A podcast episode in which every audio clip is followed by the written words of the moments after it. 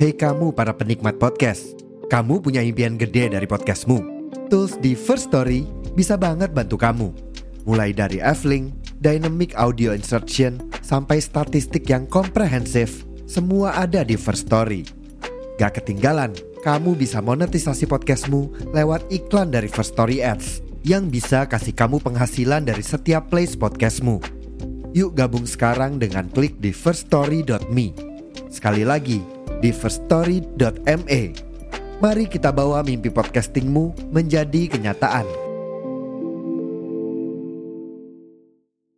Episode ini adalah bagian dari tantangan 30 hari bersuara 2023 yang diselenggarakan komunitas The Podcasters Indonesia.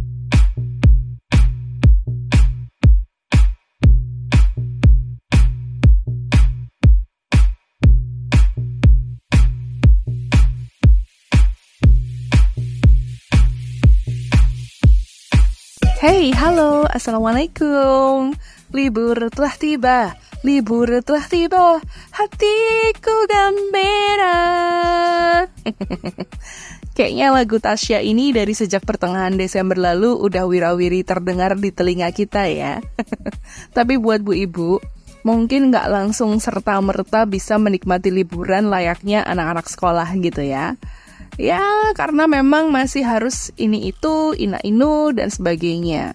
Bahkan ketika sudah merencanakan liburan, ibu juga yang masih sibuk urus-urus semuanya. Wah, kok malah justru lebih ribet ya dari hari-hari biasanya. Packing-packing baju, packing-packing bekal, persiapan ini, itu, anu, itu lagi, inu lagi, dan sebagainya. Hah, capek deh. Padahal ini kan mau liburan sekeluarga gitu ya. Harusnya anggota keluarga yang lain juga ikut mempersiapkan dong ya. Ikut berjuang gitu loh untuk mewujudkan liburan akhir tahun yang udah lama dinanti-nantikan. At least anaknya bisa ikut berjuang natain baju di koper lah. Biar dia tahu ribetnya gimana kalau mau traveling. Ibu juga nggak perlu berdalih. Ah, kalau anak-anak packing tuh lama. Kelamaan milih baju Kadang malah bajunya maunya dibawa semua. Udah gitu jadi berantakan semua lemarinya. Mending aku aja yang packingin, biar cepet kelar. Aduh bu, itu selain menghabiskan tenaganya ibu, juga bikin anak-anak ibu tuh nggak belajar. Kalau anak-anak udah bisa diajak komunikasi, dan anak-anak udah punya preferensi dalam berpakaian misalnya, menurutku udah bisa loh diajarin buat packing baju untuk liburan gitu. Ya, biar dia tahu bahwa persiapan untuk bisa senang-senang liburan itu juga nggak gampang. Ada perjuangan yang harus dilakukan gitu. Kalaupun misalnya baju-bajunya jadi berantakan dan berserakan di lantai, ya dia pun harus diajak berjuang buat beres-beres setelah packing. Karena kalau kita, orang tua yang selalu ambil alih semuanya, yang ada anaknya nanti nggak paham rasanya repot dulu sebelum menikmati hal-hal yang bagus. Bu Ibu lagi packing sekarang? Aku temenin ya dari sini. Aku Ibu Inung akan membersamaimu dalam podcast Bu Ibu. Podcast Bu Ibu. Bu Ibu. Podcast Bu Ibu by Ibu Inung. Podcast Bu Ibu by Ibu Inung.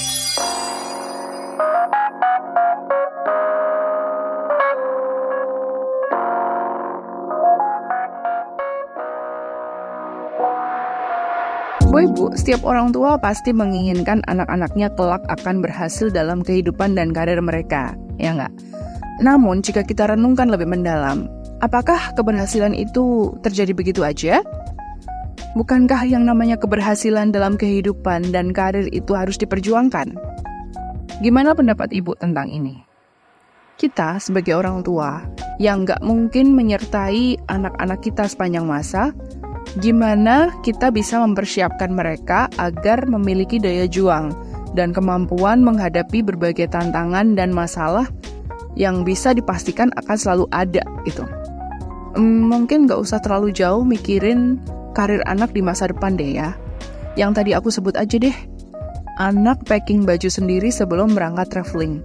Sudahkah Bu Ibu mengajarkannya? Sudahkah Ibu meng-encourage anak Ibu untuk melakukannya? Karena sebenarnya, in my opinion, itu juga sebuah bentuk perjuangan dengan skala yang sangat kecil ya, yang bisa dilakukan anak-anak kita. Kita sendiri sebagai orang tuanya tentu bisa menilai anak kita tuh umur segitu tuh udah bisa apa aja, udah semandiri apa di usia segitu. Masalah packing baju buat liburan tentunya sebuah hal yang mudah ya. Tapi nanti jadi nggak rapi, asal-asal gitu masukin ke koper. Um, kalau bu ibu berdalih seperti itu, menurutku sih masih bisa disiasati ya. Mengajarkan anak itu bukan berarti hanya dikasih tahu lalu diserahkan sepenuhnya sama dia gitu. Jadi kita cuma bilang, eh kita besok mau liburan, ayo siapin baju, masukin ke koper yang rapi ya, kayak gitu. Ya nggak bisa kalau cuman kayak gitu doang, kecuali anak-anak ibu sudah uh, umurnya sangat cukup untuk memahami uh, perintah ibu tadi kayak gitu. Tapi kalau misalnya anak-anak yang baru mulai belajar uh, packing, tentunya ya harus didampingi, harus ditemani, bahkan mungkin harus dicontohkan gimana caranya gitu. Sama seperti sebelum-sebelumnya, ibu mengajarkan ke anak-anak ibu hingga bisa mandiri gitu kan. Mungkin gue masih ingat gimana perjuangan ibu dulu ngajarin anak itu buat makan sendiri. Nah, atau misalnya kalau udah bisa makan sendiri, ibu berjuang juga buat ngajarin anak untuk berjuang ngabisin makanannya sendiri gitu. Makan makan makanannya sampai habis gitu. Ibu dan anak-anak sama-sama berjuang kan dulu untuk memulai sebuah habit yang baru. Itu kan dilakukan secara bersama-sama ya kan? Ya ini sama jangan sampai anak itu nggak ngerti perjuangannya gitu Bu Ibu, dalam bukunya yang berjudul Mindset Changing Your Way to Think to Fulfill Your Potential, Dr. Carol S. Dweck, seorang peneliti dan juga psikolog, menyebutkan dua tipe manusia yang sangat berbeda dalam menghadapi tantangan kehidupan. Manusia tipe pertama yang memiliki fixed mindset. Manusia tipe pertama ini dipercaya bahwa semua kekuatan dan kelemahan dalam dirinya dapat diibaratkan seperti batu yang telah dipahat. Ada yang percaya dilahirkan cerdas, dan ada yang percaya dilahirkan kurang pintar. Nah, kelompok manusia dengan fixed mindset ini sibuk membuktikan siapa dirinya, baik sebagai orang yang unggul maupun yang sebaliknya, gitu ya. Mencari pembenaran sebagai orang yang penuh kelemahan dan cenderung mengasihani diri sendiri, gitu. Jadi mereka itu sudah percaya bahwa ya memang aku tuh terlahir seperti ini, gitu. Gampangannya seperti itu. Aku tuh terlahir seperti ini, ya mau gimana lagi, gitu. Itu fixed mindset. Tapi ada juga manusia tipe kedua yang memiliki growth mindset. Manusia dengan growth mindset ini adalah manusia yang percaya bahwa dalam kehidupan ini dia harus berani menghadapi resiko dan tantangan. Bahwa yang namanya keberhasilan itu harus diperjuangkan gitu. Bahwa kegagalan itu bukan akhir dari segalanya sehingga manusia dengan growth mindset itu senantiasa mau belajar dari kegagalan dan juga kesalahan dan berjuang buat memperbaiki diri gitu. Selain itu, manusia dengan growth mindset ini juga berusaha untuk terus mengembangkan potensi yang dianugerahkan Tuhan kepadanya gitu. Jadi dia tidak hanya uh, menerima nasib istilahnya kayak gitu ya. Dia tidak hanya aku terakhir gini ya udah, ya enggak gitu. Tapi orang growth mindset itu dia menerima keadaannya tapi kemudian mencari sesuatu untuk bisa uh, merubah dirinya gitu ya supaya tidak berada dalam kegagalan terus-menerus. Dia itu mau belajar, mau berkembang kayak gitu. Nah, menurut Dr. Carol S. Dweck juga, pola asuh orang tua ternyata itu sangat menentukan seorang anak bertumbuh kembang dengan fixed mindset atau dengan growth mindset. Orang tua seperti kita ya, kita ini sebagai pendidik pertama dan utama dalam hal ini memiliki peluang yang sangat besar dalam uh, apa ya istilahnya menanamkan benih-benih fixed mindset atau growth mindset itu lewat interaksi sehari-hari dengan anak-anak kita gitu. Dr. Carol Dweck ini menyatakan kalau orang tua itu lebih suka memuji dan apa ya istilahnya cenderung lebih menghargai kecerdasan-kecerdasan atau keunggulan anak daripada saat dia berproses belajar atau bagaimana anak itu berjuang untuk mencapai sesuatu, maka anak ini nanti akan memperoleh pesan bahwa semuanya itu sudah ditakdirkan buat dia, gitu. Mereka itu akan menghindari tantangan dan sering kali takut membuat kesalahan karena menurut eh, anak-anak ini gitu ya, hal itu akan mengancam pandangan orang tentang kehebatan mereka gitu. Begitu juga dengan orang tua yang terlalu mencemaskan kelemahan anaknya dan selalu membanding-bandingkan anaknya dan selalu membanding-bandingkan anaknya dengan saudara atau teman-temannya yang lain gitu. Maka si anak itu sendiri akan merasa nggak berdaya untuk mengembangkan potensi dalam dirinya gitu. Dan akhirnya apa? Fixed mindset ini akan berkembang, tumbuh dalam dirinya gitu. Dan sebenarnya ini nggak bagus juga sih, gitu. Nah sebaliknya, orang tua kita itu bisa menanamkan growth mindset dalam diri anak sejak dini. Dengan cara gimana? Dengan memberi perhatian dan penghargaan pada setiap perjuangan si anak gitu. Kita kasih atensi, kasih reward juga atas kemauan anak itu untuk belajar. Walaupun misalnya hasilnya itu belum memuaskan gitu. Tapi karena dia mau berjuang, mau belajar, mau berkembang, nah kita kasih sesuatu yang bisa membuat dia itu uh, diapresiasi gitu. Nah, ketika kita orang tua ingin menumbuhkan growth mindset dalam diri anak kita sejak dini, disarankan supaya kita orang tua itu bertindak layaknya coach gitu ya, yang selalu ngasih motivasi, yang mendampingi anak, membersamai anak agar mau terus berjuang mengembangkan potensi si anak ini dan nggak mudah menyerah gitu ya garis bawahi nggak mudah menyerah gitu. Karena apa? Lately ya, lately kita kayaknya sering deh ngelihat anak-anak dari berbagai usia ya, yang masih toddler, yang usia sekolah, yang beranjak remaja, bahkan di akhir usia belasan itu, mereka itu begitu mudahnya menyerah ketika menemui kegagalan, ketika menemui kesulitan, langsung menghindar atau mengeluh gitu ketika di depannya ada kesulitan gitu. Padahal kesulitan yang ditemui di level usia mereka itu uh, mungkin nggak sebanding dengan yang kita hadapi sebagai orang dewasa gitu loh. Tapi mereka itu merasa bahwa, uh ini ujian yang gede banget gitu, ujian yang susah banget gitu. Melihat hal seperti ini mungkin terlintas dalam pikiran kita ya. Uh, kita orang tua generasi X atau generasi Y gitu ya. Kita mikir gitu, anak-anak ini kalau udah dewasa itu akan berkarakter yang bagaimana? Kira-kira apakah mereka itu akan berkarakter mudah menyerah dan gak punya nyali dan gak sabaran gitu? Karena kok kayaknya setiap menemui kesulitan sedikit aja, kayak kok nyerah gitu. Selalu dengan tolong dong, tolong dong, tolong dong. Aku gak bisa nih. Ih susah banget, ih nyerah aja deh gitu aku nggak tahu nih harus gimana lagi gitu. Banyak kita dengar seperti itu, sering ya. Nah, apakah karena pola asuh yang apa-apa dibantu orang tua sehingga terjadi seperti itu? Atau apakah ini karena pola asuh udah sini aja mama yang kerjain gitu? Atau mungkin juga karena pola asuh tenang nanti diurus sama papa. Apakah karena itu? Sehingga growth mindsetnya itu dan daya juangnya itu terkikis. Ibu ingat saat anak ibu jatuh? Apa yang ibu lakukan? Langsung teriak, lalu lari mendekat, lalu nolongin bahkan menggendong anak ibu? Kebanyakan orang tua ketika lihat anaknya jatuh, itu pasti akan segera menolongnya dan menggendongnya dengan penuh kasih sayang gitu ya. Akibatnya, hal itu bisa membuat anak-anak berpikir bahwa terjatuh atau terluka itu tidak boleh terjadi. Terjatuh atau terluka itu adalah hal yang tidak bisa diterima. Apalagi ditambah dengan misalnya seperti ini. Hmm, anakku jatuh, sakit ya nak. Emang nih lantainya nakal ya? Loh, kok malah nyalain lantainya? Lantainya diem aja dari tadi loh. Ini jadi kayak menyalahkan sesuatu yang lain atas ketidakmampuan seseorang gitu. Sebenarnya ketika anak-anak terjatuh, terluka, atau gagal di tengah jalan, ya sebaiknya jangan buru-buru mengulurkan tangan gitu. Biarin aja anak-anak itu mencoba berdiri sendiri. Terus kita orang tua masa diem aja?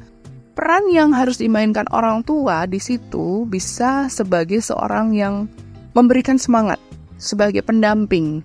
Kalau gagal, kita boleh bantu cari solusinya gitu.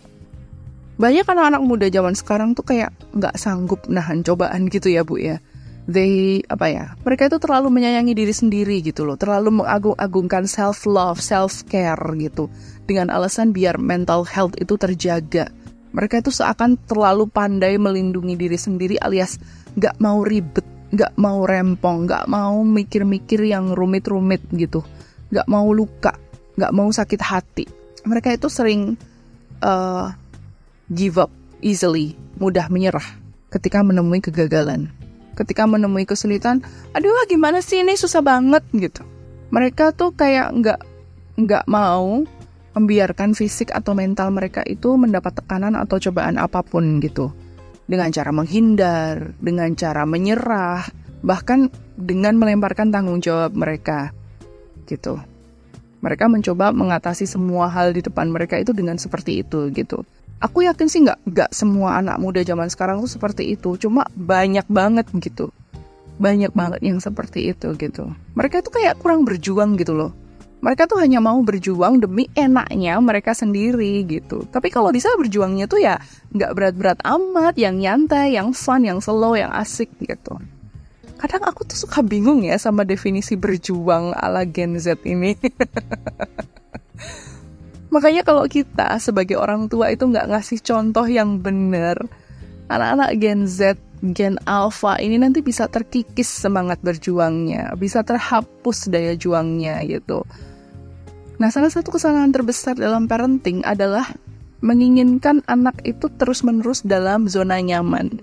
Salah satu kesalahan terbesar parenting juga adalah melindungi anak terlalu jauh dari kegagalan atau kekecewaan. Jangan sampai anakku sakit, jangan sampai anakku luka, jangan sampai anakku sedih, jangan sampai anakku nggak enak makannya, jangan sampai anakku nggak nyenyak tidurnya, jangan sampai dia kecewa karena nggak dibeliin mainan, kamar harus ber-AC, mobil harus ber-AC, bepergian harus tidur di hotel bintang 5 Kadang-kadang orang tua tuh melakukan kesalahan seperti itu. Padahal ini bisa berimbas negatif pada citra diri anak di kemudian hari gitu. Setiap orang tua tuh menurutku harus bisa membiarkan anak-anak mereka tuh gagal gitu ya, mengalami yang namanya failure gitu. Bukan berarti terus anak gagal terus gagal terus kita biarin aja ya nggak gitu enggak maksudnya tuh anak-anak tuh harus diberi kesempatan buat ngerti situasi jatuh lalu bangkit lagi, ngerti situasi kalah, bagaimana itu rasanya kalah, bagaimana itu kemudian harus bangkit lagi, kemudian meraih sukses, berhasil, menang gitu. Dan mereka harus tahu bahwa kesuksesan, keberhasilan, kemenangan itu butuh usaha. Kalau kita lihat kompetisi di dunia ini kan makin besar ya, makin banyak hanya orang-orang yang mau berjuang yang bisa memenangkan kompetisi. Lalu, apakah orang tua juga harus menjadikan anaknya kompetitif hanya agar anaknya punya daya juang? In my opinion, nggak selamanya menjadi kompetitif itu buruk loh. Anak yang punya jiwa kompetitif itu nggak selamanya buruk. Didik anak untuk bersaing secara sehat, menurutku bisa berdampak positif juga, asalkan orang tua juga ikut membimbing dengan baik setiap langkahnya gitu. Lagi pula, kalau kita pikir ya, kalau kita lihat gitu, bukankah persaingan itu nggak bisa kita hindari sepenuhnya? Persaingan itu akan selalu ada gitu. Kata kompetisi itu sendiri kan berasal dari bahasa Latin competere, yang artinya untuk berjuang bersama. Jadi ketika anak itu bersaing, berarti ia juga berjuang dengan orang lain untuk menjadi versi terbaik dari dirinya gitu. Tapi bukan berarti terus kita membuat anak itu berada dalam sebuah persaingan yang nggak baik. Kayak gitu ya. Misalnya dengan dibanding-bandingkan dengan anak tetangga itu justru akan menimbulkan uh, jiwa kompetisi yang nggak baik gitu loh. Banyak pakar yang sepakat bahwa kompetisi itu sebenarnya krusial buat anak gitu ya karena sejumlah penelitian uh, juga menunjukkan bahwa dalam kondisi tertentu persaingan itu sendiri bisa meningkatkan kinerja dan kebahagiaan seseorang. Kompetisi itu membantu anak buat belajar bahwa gak selalu yang terbaik atau yang terpintar itu akan sukses. Tapi mereka yang selama ini bekerja keras, yang berjuang, itu bisa mendapatkan keberhasilan itu. Sebagai orang tua, kita bisa bantu mengarahkan anak-anak kita agar punya daya juang, Bu Misalnya dengan memberi kesempatan anak kita itu buat uh, lebih fokus dengan tujuan pribadi mereka gitu. Ini sama halnya dengan mereka itu berkompetisi dengan diri mereka sendiri. Misalnya kita mendampingi anak itu untuk fokus ke tujuan pribadi yang positif yang bisa membantu mencegah mereka itu uh, frustrasi ya ketika gagal gitu. Kita bisa nih contohnya uh, belajar ngaji ya kita bisa bantu anak-anak kita menentukan target positif setiap hari daripada memberikan target yang negatif. Seperti misalnya gini, uh, yuk kita mulai dengan menentukan target membaca ikro dua lembar per hari. Setiap satu lembar diulang tiga kali, misalnya seperti itu. Itu kan target positif ya. Nggak muluk-muluk juga gitu loh, ringan aja gitu ketimbang kita memberikan sebuah target negatif yang kayak gini. Kamu membaca ikro sebanyak-banyaknya sampai bisa. Sampai bisanya tuh kapan? Sebanyak-banyaknya tuh seberapa? Iya kan? Jadi sebaiknya kita kalau misalnya mau menumbuhkan sifat kompetitif pada diri anak ya dimulai dari diri anak itu sendiri untuk berkompetisi dengan diri mereka gitu loh.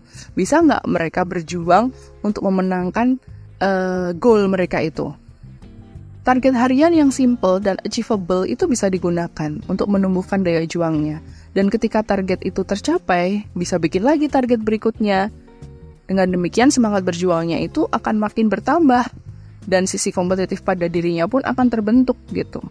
Nanti juga akan terbentuk pattern bahwa oh sebaiknya tuh targetnya tuh slow but sure kayak gitu ya. Ngomongin berjuang emang gak ada habisnya ya. Bahkan ketika kita ngobrol santai dengan teman atau siapa pun gitu tentang perjuangan, bisa jadi malah berubah jadi adu nasib gitu. Kalau aku sih mungkin lebih percaya pada ungkapan every person has their own battle and they know how to struggle to win it gitu. Yang penting adalah kita itu mau berjuang buat memenangkannya. Gitu ya Bu ya. Jadi kalau misalnya tahun ini Bu Ibu belum bisa liburan panjang, yuk berjuang lagi yuk supaya bisa liburan di tahun depan. Oke, Bu? Thank you for being here with me. Aku Ibu Inung. See you on next episode of podcast Bu Ibu.